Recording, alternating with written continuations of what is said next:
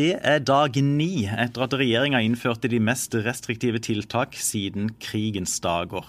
Velkommen til en ny podkast fra Federlandsvennen. Og I dag skal vi løfte blikket utover de daglige nyhetene, og vi skal se på de litt større historiske perspektivene. For vi har med på telefon May-Britt Oma Nilsen. Du er professor i historie ved Universitetet i Agder. Og blant dine fagområder er altså medisinhistorie og epidemihistorie kan vi begynne med et stort spørsmål, nemlig hva kan vi lære av tidligere pandemier? Ja, Vi kan lære at pandemier er veldig sammensatte historiske hendelser som berører alle sider av samfunnet og de fleste sider av menneskers hverdag. De berører både samfunn og mennesker dypt, og de, de preger erfaringsverdenen og minnene til hele generasjoner så kan vi også lære at epidemier har en begynnelse og en utvikling midt og en slutt. Og vi kan ikke alltid vite om eh, den slutten vi opplever, er den slutten eh, som vil komme, eller om det kommer nye utbrudd av samme sykdom.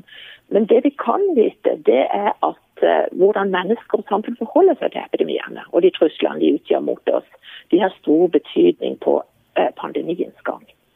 Du, når, når du... Og at vi alle er historiske personer, og vi kan påvirke den utviklinga. Nettopp. Og når du sier at alle pandemier har en begynnelse og en slutt. Med utgangspunkt i de pandemiene vi har hatt tidligere i historien, er det, er det mulig å si noe om hvor lenge de typisk varer, eller varierer det enormt mye? Det varierer ganske mye. Altså, noen kommer i veldig klare eh, startbølger og sluttbølger. F.eks. spanskesyke kom i tre nokså klare avskilte bølger. Det kan du se på koleraepidemier også. Mens vi har jo andre typer smittsomme sykdommer, som f.eks. tuberkuloseepidemien, som var nærmest konstant Eh, til stede i lokalsamfunn i Norge fra 1860-70-åra og frem til rundt 1950. Så det var en langsom sak, og de er veldig forskjellige. Er det, er det, noen spesielle pandemier som ligner mer på den vi nå opplever, enn en andre? Denne pandemien ligner mest på spanske spanskesyka som rammet verden for rundt 100 år siden, i 18, eh, altså 1918 1920. Det var en global Eh, pandemisk influensaepidemi som rammer så å lokalsamfunn i hele verden, nesten samtidig. Viruset var helt nytt, og ingen hadde noe immunitet. og Derfor ble svært mange syke, og et høyt antall fikk også komplikasjoner. Hovedsakelig lungebetennelse. Og For 100 år siden så kunne dette verken kureres eller behandles. Covid-19 er jo også et nytt virus uh, som ingen er immune mot, og det er hovedgrunnen til at det sprer seg så raskt og mange blir syke. Og hva, hva, hva, tenker du vi kan lære av spanskesyken? Eh, hvordan den ble håndtert? Ja, Den store eh, forskjellen på eh, spanskesyka og dagen i dag er jo at de folka som møtte spanskesyka i 1918, de skjønte ikke helt hva det var som ramma dem. De hadde ikke sett, I dag har vi sett viruset som over på TV-skjermen i sånn oppblåst størrelse. Vi har masse informasjon om det. Men de personene som møtte spanskesyke, og mennesker som levde da, de, hadde, de ante ikke hva sykdommen egentlig skyldes. Den var ganske mystisk, for den spredte seg ikke som de var vant til. Og Da tok folk i bruk mye av de gamle tankene og de på en måte hverdagserfaringene de hadde om smittevern for å prøve å eh, beskytte seg. Og de hverdagserfaringene har veldig få mennesker friskt i minne og bevisstheten sin nå. Hmm. Du, og hva, Hvis en skal se på, på, på, det motsatte, er det noen av de tidligere historiske pandemiene som skiller, skiller seg veldig fra den vi nå opplever? Ja, altså For det første så er jo f.eks. tuberkuloseepidemien. altså Den var langvarig, og tuberkulose var jo til stede i folks liv over veldig lang tid. Så det var på en måte en, en sakte epidemi der det var noe folk levde med over lang tid. Uh, og uh, det kunne prege lange livsløp og familier. Nå er vi jo mer i en sånn akutt, rask uh, pandemi der ting skjer veldig hurtig, og der vi har en bevissthet om Vi har en horisont der vi får inn nyheter fra ting som skjer veldig mange steder på en gang. Og folk kan inntrykk av at dette er bare en strøm av veldig raske begivenheter. Du, du, skriver i en kronikk som kommer på trykk i Lørdagsavisen at eh, pandemier historisk sett har endra lovverk og utløst revolusjoner, og at også koronapandemien vil skape forandring. Hva, hva tenker du på da?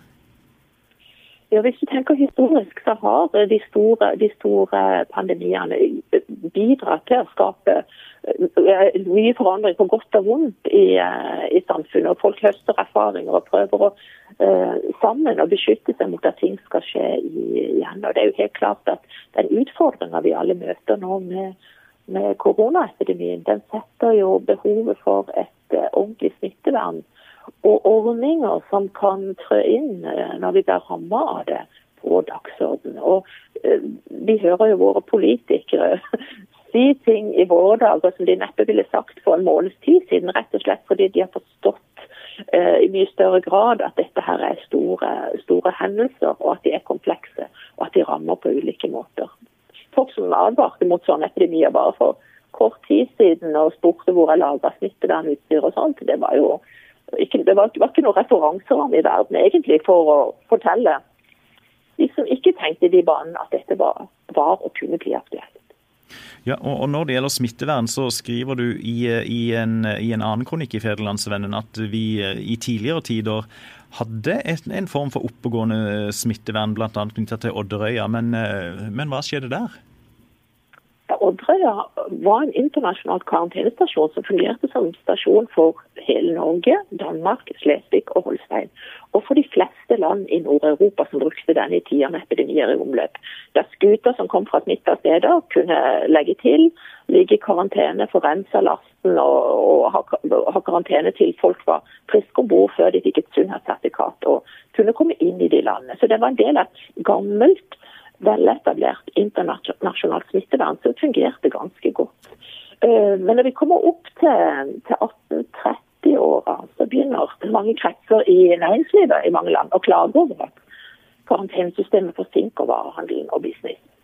Og Da mante de frem skremmebilder av hvordan de mente karantenen ødela både for deres, deres eh, virksomhet og for folks inntekter og fra myndighetenes skatter. Og Myndighetene hadde en tendens til å lytte nettopp til klagene fra næringslivet og bygde ned det internasjonale karantenesystemet. Og Det førte til 50 år i Europa som eh, er de verste årene verden har sett i forhold til internasjonale pandemier, med utallige uh, og, forskjellige uh, runder med smittsomme sykdommer som tok mange menneskeliv. Så det var på en måte... Og det er først, det er først helt tilbake, unnskyld. Nei, nei så, så det, det, var på en måte eh, kapitalisme, liberalisme, eh, litt globalisme som da, som da, tok knekken på det smittevernet som, som var effektivt? Det skjer noe rundt 1840. Det ene er kapitalismen og liberalismen. I tillegg så er det sånn at stater blir demokratiske. Og Da er det ofte litt tyngre prosesser for å bli enige om hvilke tiltak en skal sette inn av de gamle eneveldsstatene som kunne sette inn militæret i, i, tider med epidemier. Det krevde jo eh, lover og fullmakter som veldig mange av de demokratiske statene ikke hadde fått ennå, fordi de var ikke forberedt på det på samme måten. Så eh, Det ene er liberalismen, men også, også demokrati. Og så var det også sånn at den gamle måten å håndtere epidemier på, altså med karantener, med innesperring, med militær bevoktning, eh, den ble sett på som eh, en avlegger av det gamle eneveldet. Så den ble sett på som umoderne. Og en del medisinere mente også at den var uvitenskapelig. For i motsetning til disse koronavirusene som vi ser flasher stort i bakgrunnen på alle nyhetssendinger nå, så var det ingen på det tidspunktet som hadde sett smittestoffet. Og en del medisinere mente at dette var fantasifostre, og det var noe som kom fra folkloren og, ville folkelige forestillinger, og, og, at det derfor ikke fantes. Så påstand om, liksom, om fantes smittestoffer, hvis ikke det fantes, så var det jo ikke noe vits i å, å rense og sperre av og sette folk i karantene hvis sykdommen eller smitten eller spredningen skyldtes noe helt annet. Og det oppstår masse andre teorier om hvorfor folk blir syke, enn at disse sykdommene faktisk smitter mellom mennesker. Så Hvis en ser historisk på det, er det, er det da sånn at noen type styringssystemer er bedre egnet enn andre til å takle pandemier? Altså eh, Demokratiske stater, er de, er de mer tungrodde enn en diktaturer, som kan være mer effektive, kanskje? Alle sammenhenger så håper vi at man i demokratier tenker seg nøyere om og avveier ulike hensyn når de fatter vedtak, også knytta til pandemier. Jeg er veldig glad for at vi i, i, i de situasjonene de er i, har demokratiske institusjoner som, som, tenker seg nøye om at mange parter er involvert i hva en står, uh, en står uh, overfor. Det historien viser, er at det er de som er best forberedt, uansett hva slags politisk system de har, som kan Eh, løse epidemiske utfordringer best. Og Den forberedelsesgraden den er ikke forbeholdt verken demokratier eller, eh, eller, diktaturer. Den handler om hvilke erfaringer en tar alvorlig, og hvordan en tenker at en skal løse en pandemisk krise innenfor det politiske systemet en faktisk har. Det er jo ikke pga. demokrati at vi ikke har produsert uh, smittevernutstyr i Norge de siste uh, ti årene. Det har jo ingenting med demokrati å gjøre. Og, demokratiske stater kan velge å ha en beredskap på uh, at det er bedrifter i landet som faktisk kan produsere en del av de utstyret som vi trenger i sånne tider. Og man kan lagre. Det kan politikere i demokratiske systemer også bestemme seg. May-Britt Homan Nilsen, jeg må spørre deg. Eh, for, det er jo veldig naturlig nok veldig mye fokus på alt det negative som, som skjer. Og nå har vi også snakka om eh, en del dramatiske ting i tidligere pandemier. Men kan pandemier også føre til framskritt? Det kan de. Pandemier har ført uh, til en rekke store uh, og små fremskritt, både i lokalsamfunnet og verden for øvrig. Kanskje noen av de største fremskrittene mennesker har vært, og menneskelige samfunn har vært igjennom. Og det, har ført til ordninger, vaner vi da tar for gitt, også i vår del av verden.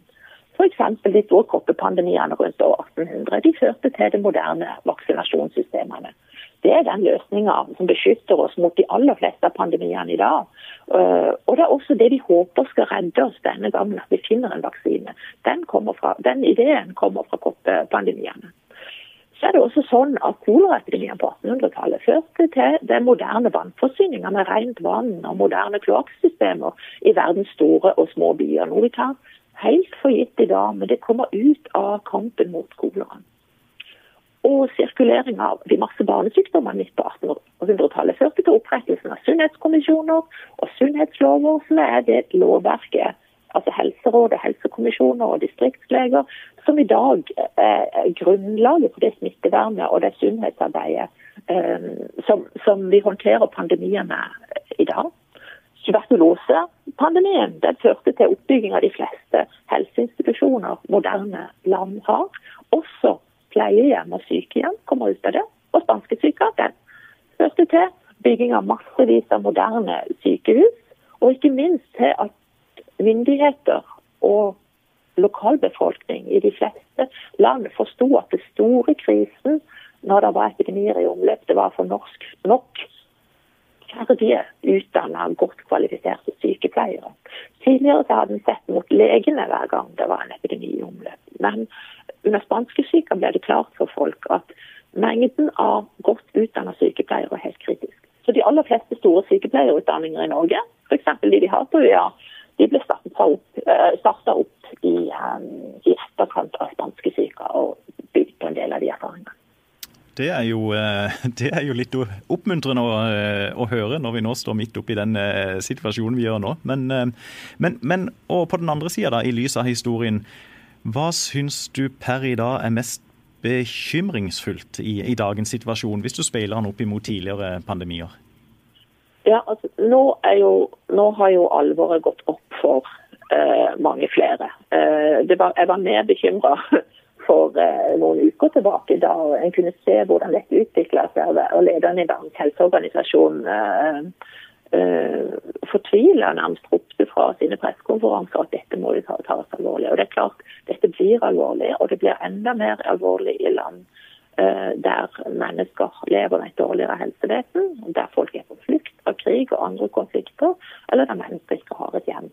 Uh, så sånn, Det er det som bekymrer meg mest. altså Hvordan det, dette vil slå ut for de som allerede er i en sårbar situasjon. og de er Eh, det flertall av, av andre deler av verden enn vår egen. Og det vi vet med pandemier, er at ingen er immun mot det. Ingen kan beskytte seg uh, fullstendig uh, mot det. Vi er nødt til å beskytte mange. Og de som er rundt oss, både der vi bor, i landet vi bor i og i verden vi er i, for at ikke det skal ramme oss igjen og igjen. Så Den største bekymringen min er at vi ikke skal se på dette som en global utfordring eh, og forholde oss til det på den måten. Sånne virus som dette vil komme til oss igjen og igjen og igjen og igjen hvis ikke de takler det på et globalt nivå. Og når du, når du, snakker om nettopp det globale, eh, gjør det at verden nå er mindre enn før? Det at mennesker er knytta tettere sammen, men også snakker mer, med hverandre, gjør det situasjonen bedre eller verre enn en tidligere? Jeg tror det gjør situasjonen mye bedre enn tidligere. Fordi at det å dele menneskelig erfaring over landegrenser, det er en stor styrke og en stor ressurs i situasjoner der vi står overfor eh, likeartede problemer og trusler. Eh, så det tenker jeg er en stor, en stor eh, fordel. Det er jo også sånn at f.eks. tilbake til spanske syke, at den informasjonen kom i media eh, raskt.